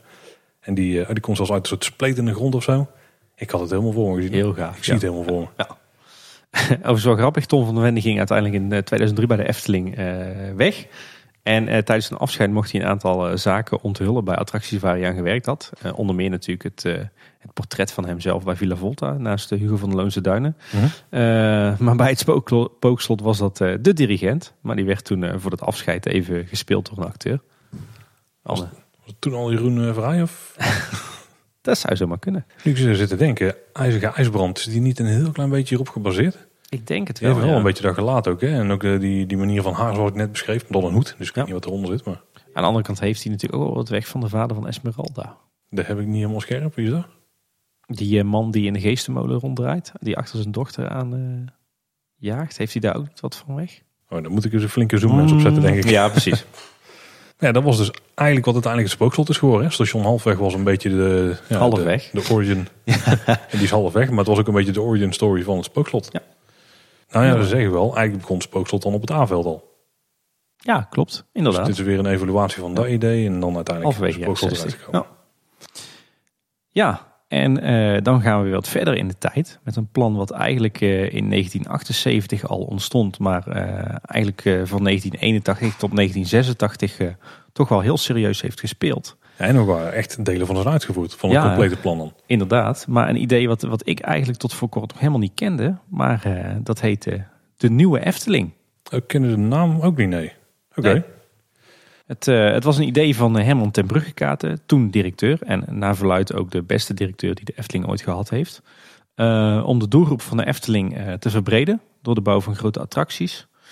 En ja, uit dat plan zijn toch wel enkele van de meest beeldbepalende attracties van de huidige Efteling voortgekomen. Ja, want het is wel leuk van dit plan. Een aantal van die delen zijn dus echt uitgevoerd. Ja. En een aantal van die delen, daar weten we heel weinig van. Wel namen, maar verder eigenlijk ook niet zo heel veel meer. Hè? Nee, ik, ik, werd, moet zeggen, dit, dit was echt zo'n onderdeel wat ik eh, in mijn zoektocht naar, eh, voor deze aflevering vond. Echt van, wat is dit nou toch? Even, even verder lezen. Oh, nog even verder lezen. Oh, dit is gaaf. Nog even doorklikken. Oh, dit is cool. Ja, alleen dan houdt het op een gegeven moment gewoon op. ja, precies. Eh, dat plan voor die nieuwe Efteling, dat kwam voort uit het succes van het Spookslot. En dat werd later natuurlijk nog versneld door het succes van de Python. Ja. En het bestond eigenlijk uit vijf ideeën. nou, daar komt hij. Een eh, Rapid Ride. En die is uiteindelijk gebouwd. Dat is natuurlijk Piranha. Ja. Een duizend en één nachtshow. Die is uiteindelijk natuurlijk ook gebouwd. Dat was een beetje het paradepaardje van dit geheel. En dat is ook Ja. het laatste project dat hiervan is uitgevoerd. Ja. Want dat is natuurlijk Fata Morgana. Ja. Eh, en de gondolet ook een beetje. Ja, daar zullen het zo dat hebben. hebben we ja. Eh, de uitbreiding van het stoomtreintraject. Ook gebeurd, want dat was volgens mij de complete ronde die toen dichtgelegd werd. Ja, inderdaad, want voorheen werd er op en neer gereden. En twee attracties die, eh, die niet gerealiseerd zijn, namelijk eh, Gulliver's Reizen en Carcassonne. Ja, daar ben ik nog wel eens mee aan het uh, armchair geweest. Van hoe zou dit nu in moderne varianten uitgewerkt Hmm. kunnen worden. En eh, ook een, eh, een herinvestering in het Kraanven, het eh, bungalowpark wat toen een beetje aan het uh, teloor aan het gaan was. Daar eh, maakte eigenlijk onderdeel uit van deze plannen. En daar is absoluut niks aan gebeurd. Wij weten inmiddels uit eigen ervaring, Paul, eh, wat daarvan eh, over is gebleven. Ja. ja, dit was ook echt zo'n plan wat altijd in flux was. Hè? Maar wat, wat ik hier dus wel interessant aan vind, eh, is dat er dus een aantal ideeën zijn concreet uitgevoerd. Dus die zijn volledig uitgewerkt. Ja. En dan vraag je toch af wat er dan gebeurt met die andere ideeën. Zijn dat alleen maar gewoon kreten geweest die ze hebben opgeschreven waar ze dan later iets aan wilden ophangen? Of hebben ze daar ook heel, veel, heel veel uitgewerkte plannen van? Weet je wat het is? Het, het is ooit opgesteld als vijfjarenplan. Dus als een soort masterplan. Mhm. Ehm, en dat masterplan, ja, je weet hoe dat dan gaat. Dat zal bij jouw bedrijf eh, ook niet anders zijn. Eh, dat wordt ooit bedacht van dit gaan we doen de komende jaren. En dan wordt er inderdaad heel voortvarend waarschijnlijk het, het eerste deel en het tweede deel van uitgevoerd. Maar dan, terwijl de jaren voorbij gaan, eh, komen er andere inzichten. bepaalde zaken werpen wel of niet hun vruchten af. Blijken wel of niet succesvol. Er komen andere mensen aan het roer. Ja, en zo'n zo'n meerjarenplan, dat wordt eigenlijk nooit uiteindelijk helemaal uitgerold. En dus- ik denk dat dat ook is wat er hiermee is gebeurd. Hé, dat klopt helemaal. En je hebt natuurlijk wel plannen die zijn al wat concreter voordat het vijfjarenplan start. Dus Ja. daar zijn ook de dingen die je als Ja. eerste uitvoert. Of waar je misschien eh, niet superveel ontwerpinvesteringen hoeft te Ja. doen. Eh, maar ik vraag me dan toch af hoe ver ze met Carcassonne en met Gulliver's Reizen zijn gekomen. Ja. Nou, misschien we dadelijk even daarover gaan hebben. Laten we eerst even de andere onderdelen bekijken. Eh, de Rapid Ride is natuurlijk Piranha geworden. Overigens was het eh, eh, van oorsprong helemaal niet de bedoeling dat hij zo'n Mexicaans of Zuid-Amerikaans thema zou krijgen. Het zou eigenlijk, of het Efteling ontwerpteam is toen naar Amerika gevlogen, geloof ik, naar een, het park waar al een Rapid River van eh, Intamin lag. De Ja. eerste was dat, geloof ik, hè? Nou, het plan was eigenlijk, de Efteling was een overleg met Intermin. En die, ehm, die hadden dit plan gepresenteerd aan de Efteling. Van, hey, we kunnen een Red River voor jullie maken. Want dat is een nieuw concept dat we hebben. Ja. Maar toen heeft de Efteling bedankt. Want die wilde eerst het zien in, in het echt. Zeg maar, Ja. Die wilde niet de eerste zijn in het proefkonijn. En toen zijn ze inderdaad laten gaan kijken bij... eh, ja, wat was de eerste dan? Ja, en Six in, Flags volgens mij? ja, volgens mij inderdaad wel een, eh, een, par, een, pre- echt een pretpark in Amerika. En daar was hij heel kaal. En toen heeft uh, Ton gezegd van dit, uh, dit nooit. En toen is er gezegd van nou dan gaan we hem helemaal thematiseren. En de Piranha is er uiteindelijk het resultaat van. Maar was het initieel dan het idee om er helemaal geen thema aan te hangen? inderdaad. Of zo hebben ze hem in ieder geval in Amerika gezien. En daar hebben ze van gezegd dit willen we zeker niet. Ja, dan kan me echt niets meer voorstellen. Niet gethematiseerde het. De meeste die hebben wel iets van een themaatje, toch? En nou, rots en zo langs de kant. Ja, ik, heb, ik heb bij mij thuis in de verzameling nog wat van die oude catalogussen van Intamin liggen. En dan schrik je, schrik je, je eigen dood. Daar staat dus, uh, staan zeg maar een beetje uh, een hoop attracties die we ook kennen in de Efteling. Inderdaad, de River Rapid en uh, Flying Island, hè, wat in de mhm. Efteling Pagode is. Een towboat ride, een een bounty, oftewel een schommelschip. Maar dan allemaal de niet gethematiseerde varianten. Nou, je schrik je dood hoe dat eruit ziet. Maar er zijn dus werkelijk parken op de wereld die dus al die niet gethematiseerde attracties hebben gebouwd. Ik geloof dat er in Gardaland en in Cedar Point en, dat soort parken dat je ook wat van die varianten vindt. Hm, Oké. Maar goed, voor een onderdeel, en dan slaan we de, de, stoomtrein even over, want dat is wel duidelijk. Maar dat is de 1001 Nachtshow. dat was een van de werktitels voor wat uiteindelijk Fata Morgana is geworden. Uh, en daarnaast uh, andere werktitels die we kennen zijn uh, de Arabische Show. Nee, die hebben ze later nog een keer gehad. ja, maar dan niet als attractie, maar als, als parkshow. en de Sprookjes van Duizend Nacht. En dat idee stamt uit eind jaren 70. -huh. Mhm. En het leuke is dus dat in eerste instantie de locatie van de Duizend en Nacht Show de Siervijver zou worden. Oftewel ja. de Gondoletta-vijver. En dan met name dat grote eiland, wat, je, wat er nu ook nog steeds ligt, met, met de waterval. Daar zou de Duizend en Nacht Show komen. Ja, dit is een heel bekend verhaal onder de fans. Hè? Ja. En wat wel heel leuk hieraan was, is dat je eigenlijk dus een boottochtje deed over de Sea net als nu eigenlijk met Gondoletta. Waarbij volgens mij het station ook op ongeveer dezelfde plek zat, ook met een draaischijf. En dat je vanaf daar dus eerst over de plas ging en dan uiteindelijk uh, volgens mij om het eiland heen voer. En dan aan de, ongeveer de, ja, wat, wat dan vanaf de Gondoletta in de achterkant van het eiland is, als je daar erin ging, dan een aantal scènes door en dan weer uitkwam en weer naar het station ging. Ja. Zo heb ik hem ongeveer in mijn hoofd zitten. Ja, klopt inderdaad. En het zou inderdaad een combinatie zijn van de natuurschoon en enkele indoor scènes. Arabische scènes dus. Ehm, daar werd al een boottocht voor aangelegd. En de, boot, de bootjes die kregen alvast een Oosterse touch. Uh, maar uiteindelijk bleek uh, de ruimte op dat eiland voor wat men wilde toch wat uh, beperkt. maar goed, de boottocht zelf die bleek al succesvol te zijn. en dat werd dus de gondoletta. Maar volgens mij heb je wel een beetje tegenstrijdige verhalen over gehoord. Hè? Want het, een, het verhaal wat ik volgens mij via Lex vooral heb gehoord, via Lex Lemmens, ja. Is dat Gondolet inderdaad een soort testsysteem was voor Fata Morgana. Dat ja. het alvast hadden neergelegd. Zeg maar, ja. dat het een soort van bijna een truc was om de Gondoletta te krijgen in de Efteling. Precies. Maar vanuit uh, Mario hadden we weer gehoord dat het wel gewoon echt, ze wilden gewoon echt een, een rustige bootjesvaart. Dat was ook altijd, altijd het idee. Dus ja. niet helemaal duidelijk wat daar nou een beetje de waarheid van is, maar weet dat heel veel fans eh, dan de neiging hebben om Lex Lemmens zijn verhalen te geloven. Maar ik weet uit, eh, uit ervaring en eh, van insiders dat, dat hij altijd heel goed was in het vertellen van grote verhalen. Dus ik, ik neig dan zelf eerder naar het verhaal van Marie van Heumen. Het minder spectaculaire. Ja.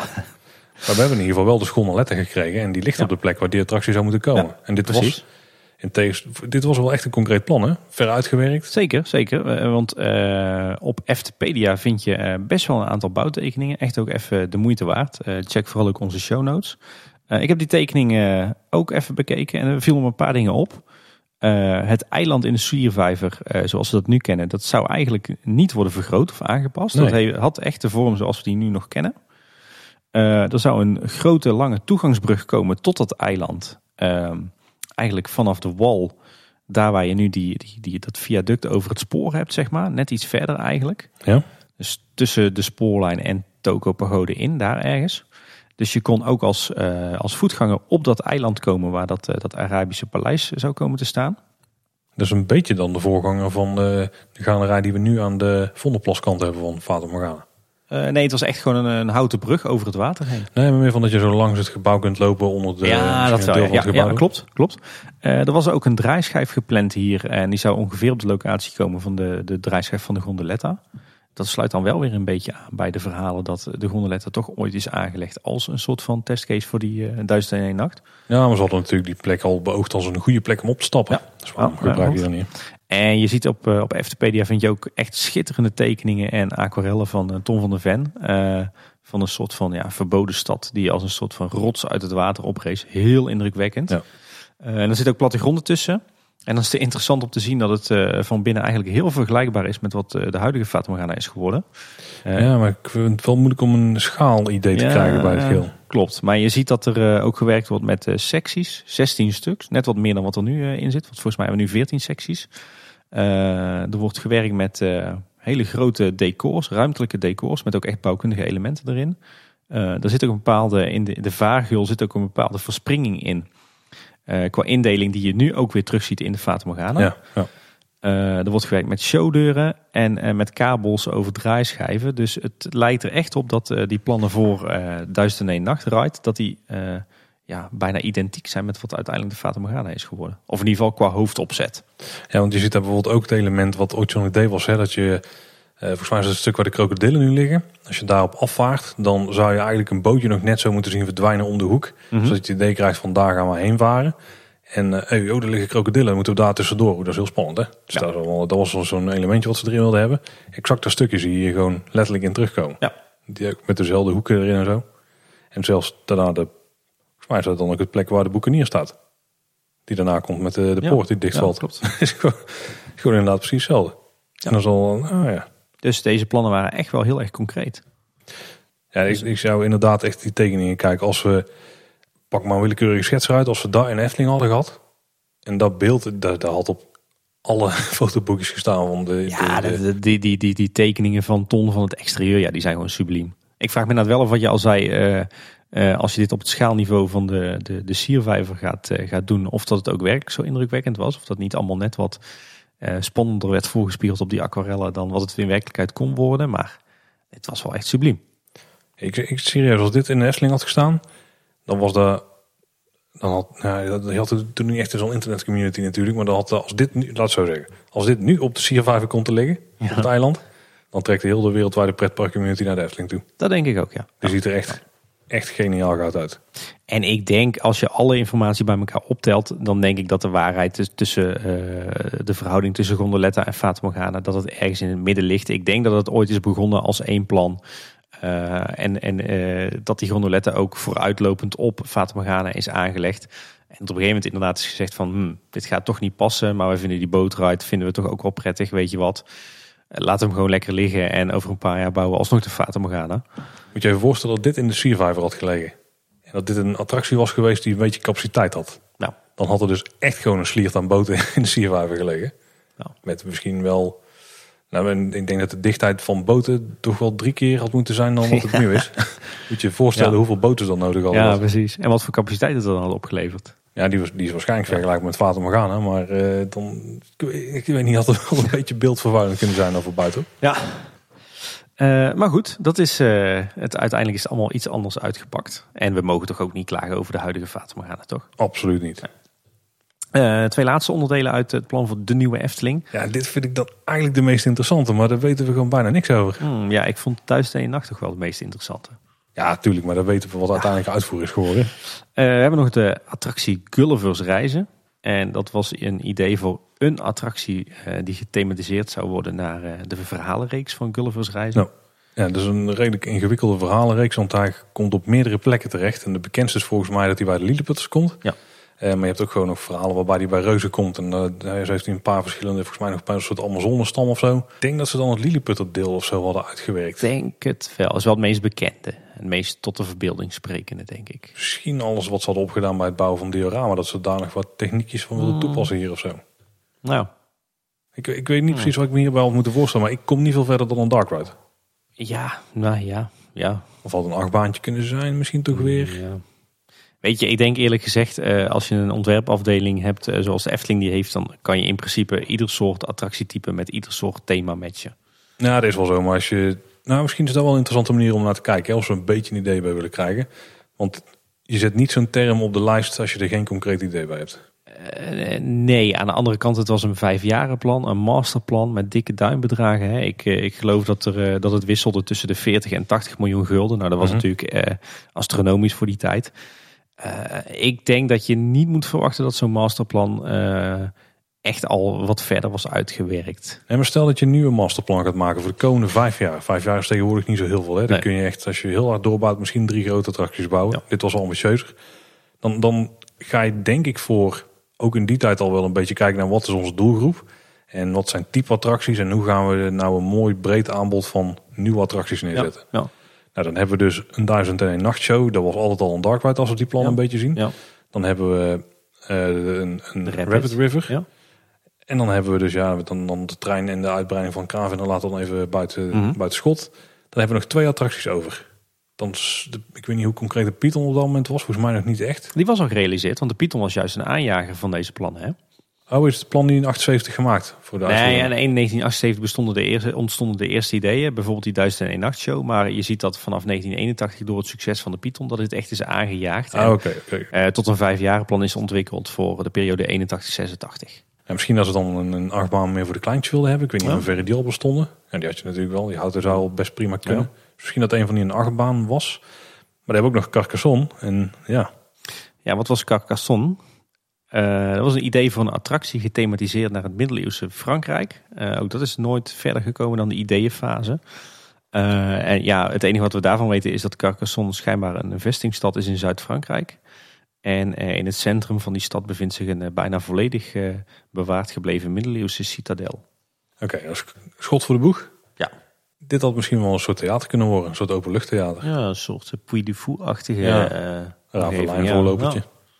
Zo, dat zou hierbij nog wel kunnen. Gulliver's Reizen klinkt wel meer als iets waar je langs gaat. Dat klinkt toch wel ride system-achtig. Ja, had ook een achtbaan kunnen zijn. Hè? Ja, nou, nou, dat dat al een kinderachtbaan zijn geweest. En eh Carcassonne dat dat dan meer een soort theatersetting zou worden.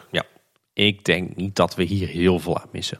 Gulliver's Reizen had ik nog wel willen zien. In die tijd, ja, nou, ja, ik weet niet. Ik denk het ook niet. Gulliver's Reizen is wel een heel lastig thema. hoor. Ik ben expres die boek een keer gelezen om te kijken van wat zit hier nou achter. Want Efteling was hier dus ooit wel mee bezig. En dan kom je er toch wel achter dat het eh, niet heel, ja, het heeft wat aanknopingspunten, maar dan ga je wel cherrypicken van, het, van, Ja. wat erin zit. En wat wel een voordeel is voor de Efteling, volgens mij zijn die verhalen inmiddels zo oud en zo lastig te lezen. Die zijn eh, volledig rechtenvrij, dus ze kunnen Ja. alles mee doen wat ze willen. Ja, Ik denk dat ze dat ook wel aansprak. En zou de Carcassonne zou het idee ook misschien zijn geweest dat ze Franse mensen een beetje richting de Efteling willen trekken? Ja, ik zie ook een soort van walkthrough voor me. Of een soort van eh, eh, wel echt themadeel of zo. En dan misschien in combinatie met een theater. Ja. Nou, zoiets. Ja. Oh. Nou. We weten het niet. ja, nee, inderdaad. Dat was de nieuwe Efteling. Laten we snel eh, doorgaan naar een, een ander plan uit die periode. 1981. Het plan voor Effie de Ongrijpbare. En dit is denk ik het meest bizarre plan wat ik eh, ben tegengekomen eh, op mijn eh, zoektocht. Ja, denk je? Ja. Ik, ik, ik, zie het, ik zie er erg zeker wel iets in. Of zag ik wel iets in. Aan de andere kant zijn hiervan best ook wel wat elementen tegenwoordig in de Efteling te vinden. Dus dat maakt het ook wel weer interessant. Wat was Effie de Ongrijpbare? Er was een conceptvoorstel voor een, een show in en op de Vonderplas. eh, ontwikkeld door Joop Geesink. Eh, natuurlijk eh, de man achter eh Carnaval Festival. Oké, dat biedt dan iets minder hoop in mijn ogen. Ja, precies. Rondom een soort van ja, Loch, monster van Loch Ness-achtig beest met de naam Effie. Waarschijnlijk dat dat dan een soort referentie naar de Efteling was. En uh, Nessie. Ja, en het doel was het aantrekkelijker maken van de Vondelplas voor een betere bezoekersspreiding in het park. Dit heb ik vaker gehoord. Ja. En de directie die had het idee dat er dan op bepaalde tijden er een monster uit de vijver op zou duiken. D- dat is in de basis best een goud idee. Ja, Gewoon als bijna een soort easter egg. ja. En daar zullen we daar nog wel Ja, even over ja. hebben. Maar dat hebben we natuurlijk ook een tijdje in Efteling gehad. Eh, maar Joop Geesing die vond dat idee wat te beperkt. En in plaats daarvan stelde hij voor een eh, show van ongeveer een kwartiertje op te voeren. Die, iedere, die drie à vier keer per dag zou worden opgevoerd. Waar kennen we dat van? Eh, en nou komt eigenlijk het, het bijzondere hiervan. Of het licht bizarre. Waar bestond het nou uit? Eh, er zou een vissende man in een roeibootje op de Vondelplas eh, liggen. Eh, op de pier, zoals we die lange tijd hebben gehad, eh, toen het nog een roeivijver was, zou een soort van obs- observatietoren komen te staan. Langs de kant was een, een paviljoen gepland met modellen, foto's en krantenknipsels van een aantal ja, zeg maar monsters die toch wel tot de verbeelding spraken. Monster van Loch Ness, de verschrikkelijke sneeuwman. En er zou een promenade zijn van drie meter breed voor de bezoekers. Nou, en waar eh, bestond, ontstond die, of bestond die show dan uit? Eh, er zou op een gegeven moment er wat water in de vijver gaan borrelen en op, op borrelen en spuiten. Eh, er zouden allerlei lichtseinen worden geactiveerd, een alarmsirene. Dan zou Effie zich laten zien. Uh, dan zou er een schot van een kanon klinken. Effie uh, verdwijnt dan en duikt elders weer op. Nog een schot, weer mis. En uiteindelijk zou Effie dan opduiken naast de boot van die uh, vissende man. Het kanon schiet dan de visser met boot en al in de vijver. En Effie die verdwijnt. Lekker familievriendelijk. Ja. nou ja, dit mag duidelijk zijn. Dit is nooit gerealiseerd.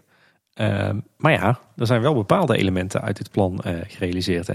Ja, er kwam ook wel opborrelend water en spuitend water en zo voor. Ja, dat kennen we wel, want dat gebeurt natuurlijk in de Vondelplas nu. Want dat ja. is Aquanura wel uh, voor een heel klein stukje. Dan. Ja, het, het, is in ieder geval een, show op de Vondelplas die eh, de attractiviteit en de aantrekkingskracht van dat parkdeel moeten bevorderen. Ja, en die ook een beetje voor bezoekersspreiding en vooral voor mensen langer binnenhouden moet zorgen. En Effie Don Grijbaar was natuurlijk een show van een kwartiertje, drie à vier keer per dag. Dat doet natuurlijk ook wel redelijk aan Aquanura denken. Ja, twaalf minuten, ja. twee à drie keer per dag. Ja.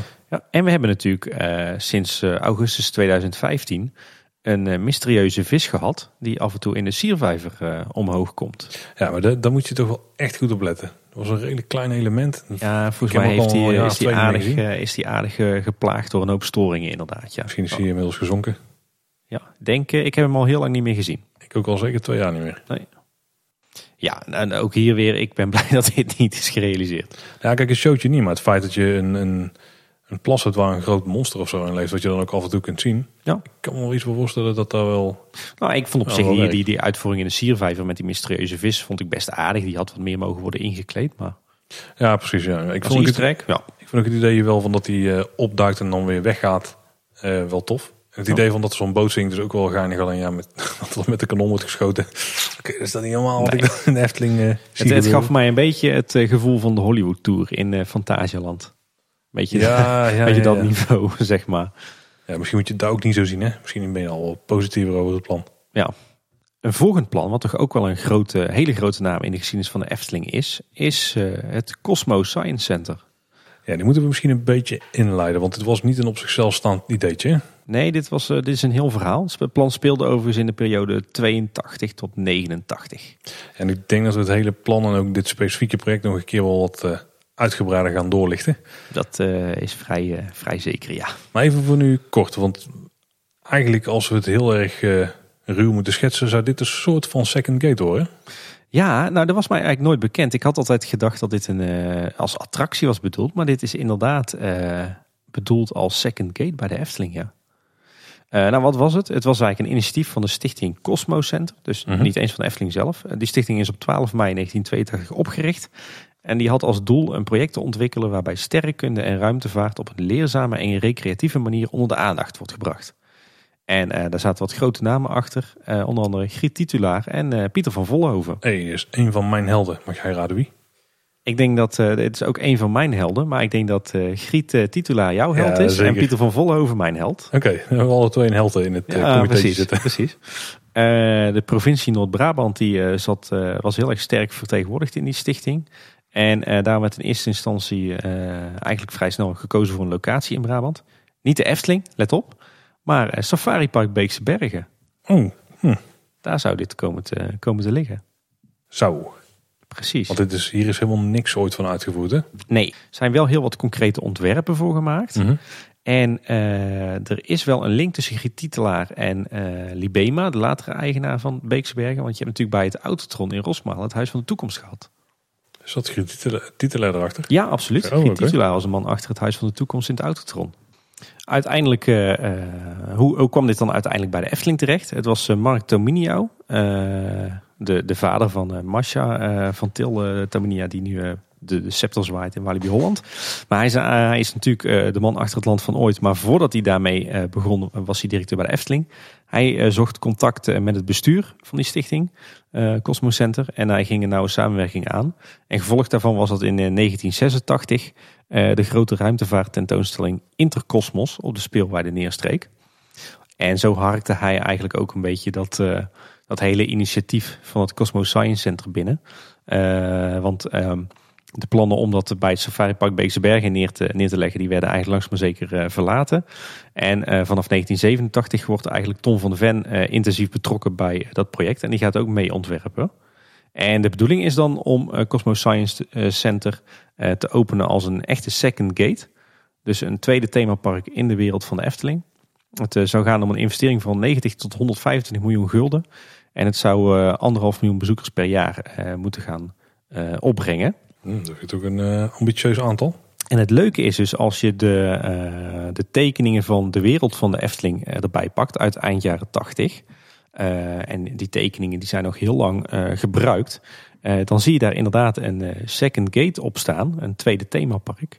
Waarvan de indeling eh, eh, heel erg gelijkend is met de tekeningen die gemaakt zijn voor het Cosmos Science Center. Nou, dus echt een second gate. Hè? Ja. We hebben wel eens die discussie gehad hè, van wat zou een second gate van de Efteling kunnen zijn. De Efteling is dan eh, romantiek en nostalgie. En dit zou echt dan een beetje futuristisch en eh, eh, wetenschappelijk en zo gaan worden. Ja, ja, we kunnen daar denk ik een aflevering lang over discussiëren. Dat gaan we dus ook nog hoogstwaarschijnlijk doen. Dan, wordt het, dan zou het een soort Epcot Future World van de Efteling worden. ja. En het nadeel van dat soort parken is natuurlijk wel dat ze extreem snel verouderen. ja, dat is ook het grote voordeel van de Efteling. Die heeft dat namelijk helemaal niet. Nee, precies. Eh, dat klopt inderdaad. En uiteindelijk werd het eh, project in 1989 eh, volledig stopgezet. vanwege een eigenlijk compleet gebrek aan financiële middelen. Want eigenlijk trok ja, zo'n beetje alle geldschieters en aandeelhouders trokken zich vrij snel naar elkaar terug. En toen is het plan eigenlijk geshelfd, zo gezegd. Eh, alleen interessant is dus dat het nog heel lang op eh, alle tekeningen van eh, de wereld van de Efteling is blijven staan. Toen we de oproep deden van, van welk project wil je nou nog iets horen wat nooit is gerealiseerd. Was dit denk ik wel de meest aangevraagde die ertussen zat. Nou, in ieder geval top 3 materiaal. zeg Ja, maar. zeker. Dus we gaan er zeker nog een keer dieper op in. Absoluut. We zijn stiekem al bezig met wat voorbereidingen. Nou, eh, nog een bizar plan eigenlijk. Eh, weer een Joop Geesink Weer een hè? Joop Geesink plan. Is het plan voor eh, Jungle Symphony. Een plan uit 1984. Is overigens ook een van de, eh, denk ik toch wel top 5 aangevraagde concepten waar we het eens over moesten hebben. Ja, hier hebben we zelfs toen hij een keer te loops was genoemd, volgens mij in de aflevering met Marvin al heel veel vragen over ja, precies. Eh, wat zou Jungle Symphony worden? Is mij overigens ook eh, eh, heel wat helder geworden bij eh, toen ik dit uitwerkte. Nou, ik, ik denk ook dat het probleem was dat er meerdere Ja. conceptfases waren, zeg maar. Dus eh, je hebt een beetje de, het eerdere concept en het latere concept. En ik haal die zelf nog wel eens door elkaar. Ik ook, dat deed ik dus ook. Eh, ik heb namelijk altijd gedacht dat het een attractie zou worden, maar dat zou het in instantie ook worden, maar dat, dat, dat heeft wat eh, andere loop gekregen. Maar in eerste instantie werd inderdaad een attractie ontworpen door Joop Gezink. Eh, een show met op muziek bewegende dieren die een dag in de jungle uitbeelden. En allerlei dieren zouden ochtend, middag, avond en nacht presenteren in een cartoony vorm. Eh, het zou een ronddraaiend theater worden, zoals Disney's Carousel of Progress. Met een capaciteit van 450 man. En de muziek zou worden verzorgd door Ruud Bos. Capaciteit van 450 man, dat is maar weinig. Ja, inderdaad. Eh, en de, de inspiratiebron eh, hiervoor was eh, de Enchanted Tiki Room uit Disney. Die daar al in 1963 eh, werd gebouwd. Ja, dan wel toch in combinatie met de Carousel of Progress. Want daarbij zie je ook meerdere scènes die langskomen draaien. Of je draait er zelf langs. Als je dat detail wil weten, moet je even details luisteren. Ja, precies. Ik, ik denk dat het een combinatie is van de, de thematiek van de Enchanted Tiki Room en de techniek achter de Carousel of Progress. Ja, precies. Ja. Ja. Ik denk als je zo'n Carousel of Progress systeem hebt, dan moet het capaciteit van 450 man, die kan dan toch wel wat omhoog. Lijkt me ook leuk om die techniek te gebruiken voor een eh, theatershow. Tweede Wereldoorlog eh, lijkt me dan wel een goed thema. Oh ja, of uh, watersnoodramp of zo. eh. Het schijnt, het, schijnt, het, schijnt, het schijnt dat die, eh, die musicals dat die heel populair zijn. Ah, daar snap ik wel in gaat. Ja. Ja. Ja, Alweer verlengd. Ja, eeuwig verlengd hè. Ja, precies. Eh, en het leuke is dus dat in eerste instantie dit een attractie zou worden die bedacht was tegenover Carnaval Festival. Eh, eigenlijk letterlijk op de huidige locatie van Monsieur Cannibal. Ehm, maar later vinden we hem, eh, een jungle terug in de wereld van de Efteling. Ja, maar die hoeft hier niet direct iets mee te maken te hebben volgens mij. Nou ja, dat is dus het verhaal. Daar zijn we ook even ingedoken. Die attractie wordt uiteindelijk natuurlijk nooit gebouwd. Eh, wel komt er in de plannen voor de wereld van de Efteling eind jaren 80 eh, ineens een gebied voor met de naam Jungle. En ik heb dat dus altijd gezien, Paul, als een, eh, ja, zeg maar een gebied wat het een beetje in het midden houdt tussen uh, Burgers Bush of uh, zo'n jungle dome in uh, Center Parks Heiderbos, weet je wel. Zo heb ik het ook altijd wel een beetje Combinatie gehad, natuur- en verblijfsaccommodatie met wellicht een stukje dierentuin. Uh, maar het vermoeden is dat, uh, dat die jungle in de wereld van de Efteling, zoals die lang op tekening heeft staan, dat uh, dat een uh, jungle festival met een draaiende schijf zou moeten worden. Is ooit door uh, G. Rieter, ook een tijdje stichtingsbestuurder geweest, bevestigd. En dat zou nog steeds gebaseerd zijn op de oorspronkelijke plannen van Joop Geesink. Kanttekening daarbij is wel dat het, eh, dat het een stuk groter zou eh, is geworden in die tekeningen dan hoe het ooit bedoeld was in het park.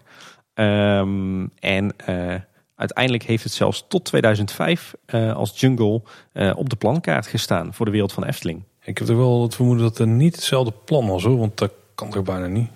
Eh, dat was ook mijn gedachte. Maar toch blijkt het wel degelijk zo te zijn dat, dat die jungle in die plannen gebaseerd was op de plannen voor Jungle Symphony. Ja, ik heb een quote gelezen dat, ehm, dat het zou gebaseerd zijn, of dat, dat, dat er werd gesproken over een jungle festival met een draaiende schijf, gebaseerd op de originele plan. Ja.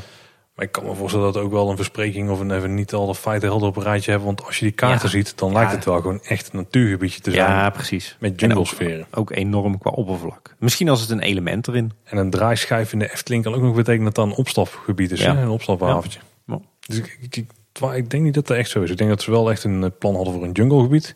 Maar dat dit niet direct hiermee te maken heeft. Maar het plan is ook wel in een andere vorm teruggekomen. Jungle Symphony. Want we hebben namelijk die eh, draaiende theatervariant. Maar er was ook een variant die ze hadden uitgewerkt met gewoon een rechte tribune. Waar mensen zeg maar, van de ene kant van de tribune ja, aankwamen lopen. Dan werd het, eh, werd het showtje gevuld. En dan eh, werd het showtje gedraaid Ja. gewoon op een soort, eh, dat, je op een decor keek. Gewoon, Mhm. ja, misschien wel een soort voorloper van, van Ravelijn eigenlijk. Maar dan zonder acteurs, allemaal animatronics. En dat dan iedereen, dat dan ging de poortje aan de ene kant weer open, iedereen stroomt eruit. De poortje aan de andere kant gaan weer open, die oude gaan dicht. Iedereen komt er weer in. Ze worden even opgesloten om naar het showtje te kijken en dan mogen ze eruit. Die plan die lagen er ook nog voor hetzelfde concept. Hm. Ik denk als je qua stijl een beetje gaat kijken, dat het toch wel wat overeenkomst heeft met, heeft bijvoorbeeld met zo'n eh, Jungle Cruise van Disney. Een beetje op Ja, een- klopt. het is, het is een Joop Geesink attractie, dus het zijn een beetje lollige figuren, maar het is niet zo gestileerd als Carnaval Festival bijvoorbeeld. Nee. Ik denk dat het ook qua uitstraling wel wat beter had ge, eh, met de tijd mee had kunnen nu nog. Ja, ik, ik denk inderdaad ook als je die tekening van de wereld van de Efteling ziet. eh, de- en, en je ziet inderdaad de hoeveelheid groen en ook die vaargul. Dan deed het me ook al een beetje aan Jungle Cruise denken, ja. Ja, en dan zou je denken, animatronic show, Paul, dat moet je aanspreken. Ja, Paul, moet jou aanspreken. Ja, maar het, is ook gewoon eh, vooral show. met niet echt een ride systeem. En Ja. Ik denk de combinatie ride systeem en animatronic, dat we die dan vooral heel erg aanspreekt. Jij wil gewoon een, eh, een soort van eh, Eftelingse Jungle Cruise eigenlijk. Ik wil gewoon meer Vader Morgana en meer eh, gewoon... Maar een Eftelingse Jungle Cruise is ook wel prima Ja. je hebt het te pakken. Ja. Een volgend plan is veel kleiner. En dat is namelijk de duivenvoerautomaat van Henny Knoet uit 1986. Ja, dit is een, een leuke, want die is op een manier toch een beetje in Efteling aanwezig geweest. Heel lang, ja. Voor heel veel jaren. Eh, het eh, het eh, was een onderdeel van een plan van Henny Knoet voor twee nieuwe sprookjes aan het Herautenplein. Namelijk Herberg de Eersteling en het kasteel van de stiefmoeder van Sneeuwwitje, zoals we die nu kennen. Die hebben we gezien, ja. Ja, en een automaat voor duivenvoer. Maar onder invloed van Tom van der Ven werden die plannen van Henny Knoet geschrapt. Zo werkte dat toen blijkbaar in de Efteling. Eh, en eh, toen die twee sprookjes eh, in 1999 alsnog vrijwel identiek aan de plannen uit 86 eh, werden gerealiseerd. Dus 13 jaar later. Hè? Toen werd de noodzaak van een duivenvoerautomaat niet meer gezien. Maar het grappige is nou dat de duivenvoerautomaat in 1986 al op de plattegrond is verschenen. En die heeft uiteindelijk tot 2009 op de parkplattegrond gestaan. En het grappige is dat zelfs op een bepaald moment dat hij van stijl overging of gedigitaliseerd werd, toen is hij nog meegenomen. Ja, inderdaad. Maar, want het is natuurlijk niet heel vreemd, want Henny Knoet die tekent ook die plattegronden. Precies. Dus die had hem zelf alvast ingetekend. Niet En ik, ik denk dat ze dat later ook als een soort van knipoog hebben laten staan. Of misschien wel uit onwetendheid. Eh, ik- heb die duivenvoerautomaat altijd al wel, ook als kleinkind, eh, op plattegrond gezien en fascinerend gevonden. Maar ik heb nooit geweten wat het was. Maar ik, inmiddels weet ik het. Eh, want de automaat die zou een klein tafereeltje bevatten eh, van een winkelier achter een balie. Eh, achter die winkelier zou je heel veel potjes zien en kistjes en muizen die snoepen van duivenvoer. En dan moest je je geld in een spaarvanger op de toonbank gooien.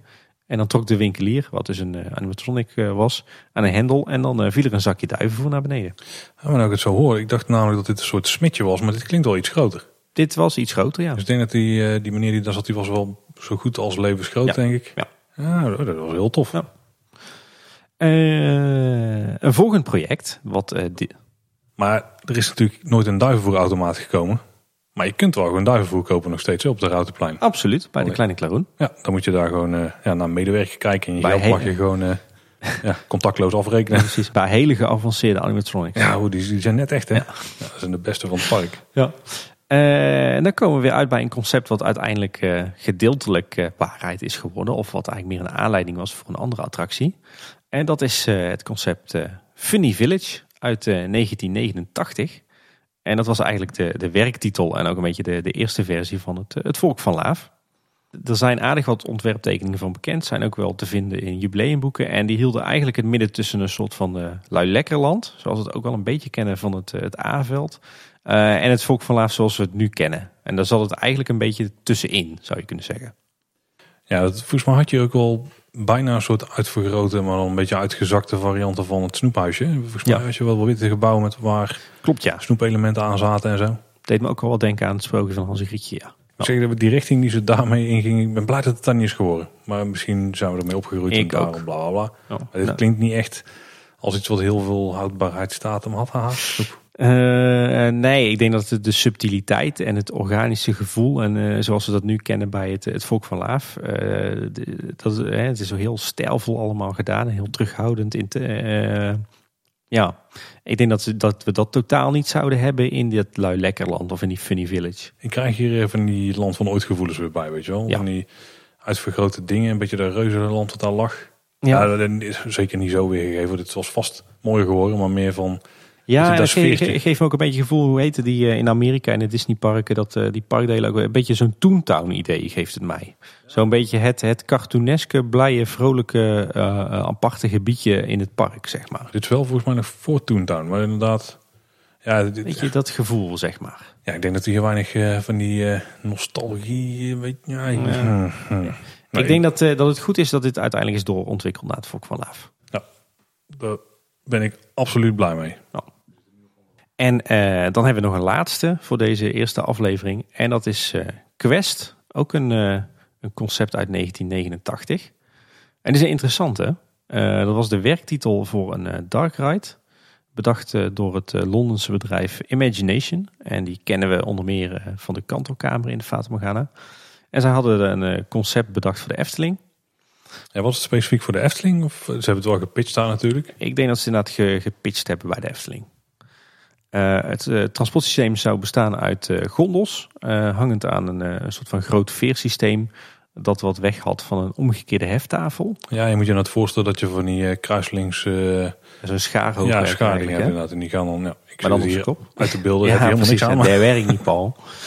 Ehm, en eh, dus eigenlijk een soort van eh, eh, het systeem zoals we dat nu in droomvlucht kennen, maar dan nog veel geavanceerder. En dan bewoog je niet alleen op en neer over een spoor en kon je 360 graden draaien, maar kon je ook nog eens in hoogte verschillen. ik denk dat hierbij wel het idee was dat, je, dat de rail zeg maar allemaal op dezelfde hoogte zat. Dus dat die vlak Ah, was en dat ja. het hoogteverschil vooral door het scharen werd, eh, werd geklust. En wel heel slim. Zal, eh, in de concept art zat er een soort dakje boven het voertuig, waardoor je ook heel, het hele systeem eigenlijk Ja. niet kon zien. Ja. werd zich mooi eh, opontnomen. En dan, eh, ja, ik kan me wel voorstellen dat je wel toffe dingen mee had kunnen doen. Maar bijvoorbeeld het sompenwoud met naar beneden draaien had daar niet mee Nee. gekund, denk ik. Nee.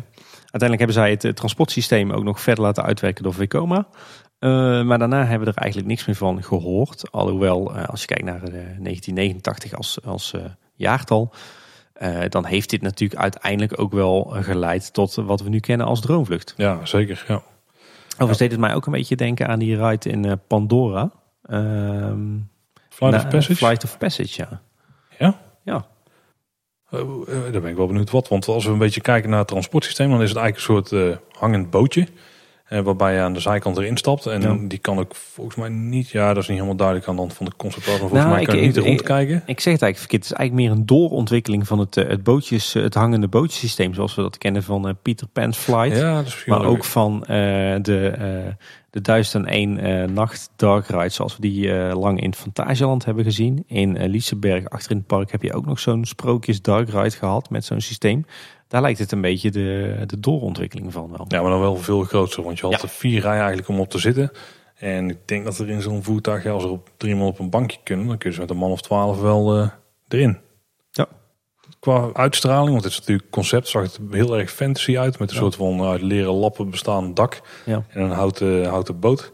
Ik kan me, het effect kan me voorstellen dat het ding dan opstijgt. En dat je dan echt denkt van, oh, Ja. weet je wel. Ja, vandaar mijn link met Flight of Passage. Dat eh, doet mij daar wel een beetje, dat gevoel kreeg ik erbij. Het was eigenlijk best wel een interessant transportsysteem. Ik denk dat hij nog steeds wel ons... Ja, Ja, er heeft wel mogelijkheden. Zeker als het van snelheid kan wisselen. Want dan kun je het op een Ja. bepaalde plek stilzetten. Ja. Kun je gewoon omhoog en omlaag. Kun je weer verder. Kun je de richting een muur gaan en één keer eroverheen zweven, zeg maar. ja. ja goed plan. Maar ja, het is het niet geworden. Nee, Waarom is het dan wel droomvlucht geworden? Misschien technisch leek het meer haalbaar. ja. ja, wie, eh, dat weten we niet. Het is een beetje, en dan gaan we een beetje voorschot nemen op een volgende aflevering ook, een situatie Harthof en Symbolica, denk ik. Ja, Dat het plannen waren misschien te ambitieus, te ingewikkeld. dat uiteindelijk het transportsysteem is gedownsized. Ja. ja interessant. hey, maar Paul, dan zijn we aangekomen bij de jaren 90. Maar eh, ondanks dat we nog eh, heel veel meer eh, te vertellen hebben over eh, niet gerealiseerde Efteling concepten, is het dan voor deze eerste aflevering wel een beetje gedaan. Hè? Ja, ja, ja. En ik stel voor dat we in deel 2 eh, van deze serie verder gaan in de jaren 90. En dan hebben wij onder andere de Olympia Looping, Waterstad en Python Plus op de planning staan. Daar moeten ook een aantal dingen mensen bekend van voorkomen. Precies. En nog honderdduizend andere ontwerpen en concepten. ik heb zo de Kleine verwachting als ik, eh, als ik ons draaiboek zie, Paul, dat we minimaal nog een deel 3 gaan maken. En misschien ook wel een deel 4, denk ik, eh, terwijl ik vrolijk doorblader. En we gaan natuurlijk ook nog afleveringen maken over specifieke delen die we net hebben Ja, behandeld. precies. Hmm. We, We, komen nooit klaar met deze podcast, eh, Paul. Nou, hopelijk hebben jullie het eh, leuk gevonden. Heb je nou nog zelf opmerkingen? Heb je meer informatie over een aantal van die plannen? Dan horen wij natuurlijk ook graag en dat hebben we die graag met onze luisteraars. En heb je vragen, dan horen we het ook graag. Of eh, wil je nog ergens, ergens onze visie of zo weten of zelf je eigen visie laten weten? Laat het ons absoluut horen. Ja. Kan op heel veel verschillende manieren. We zijn bereikbaar via onze website eh, www.kleineboodschap.com. Daar vind je het contactformulier. We zijn bereikbaar via info.kleineboodschap.com. Eh, op Twitter zijn we @kboodschap. Op Facebook en Instagram zijn we Kleine Boodschap. We zijn te beluisteren via alle mogelijke podcastkanalen, via Spotify. We hebben een YouTube-account. En eh, wie weet zie je ons ook wel een keer in de Efteling lopen. Ja, misschien moeten we gewoon zeggen van knal ergens kleine boodschap in een zoekmachine. En meestal kom je dan wel uit bij ons. Ja, precies. Nou, in de toekomst dus nog meer afleveringen van het onderwerp. Maar voor nu bedankt voor het luisteren. Tot de volgende keer en houdoe. Houdoe waar.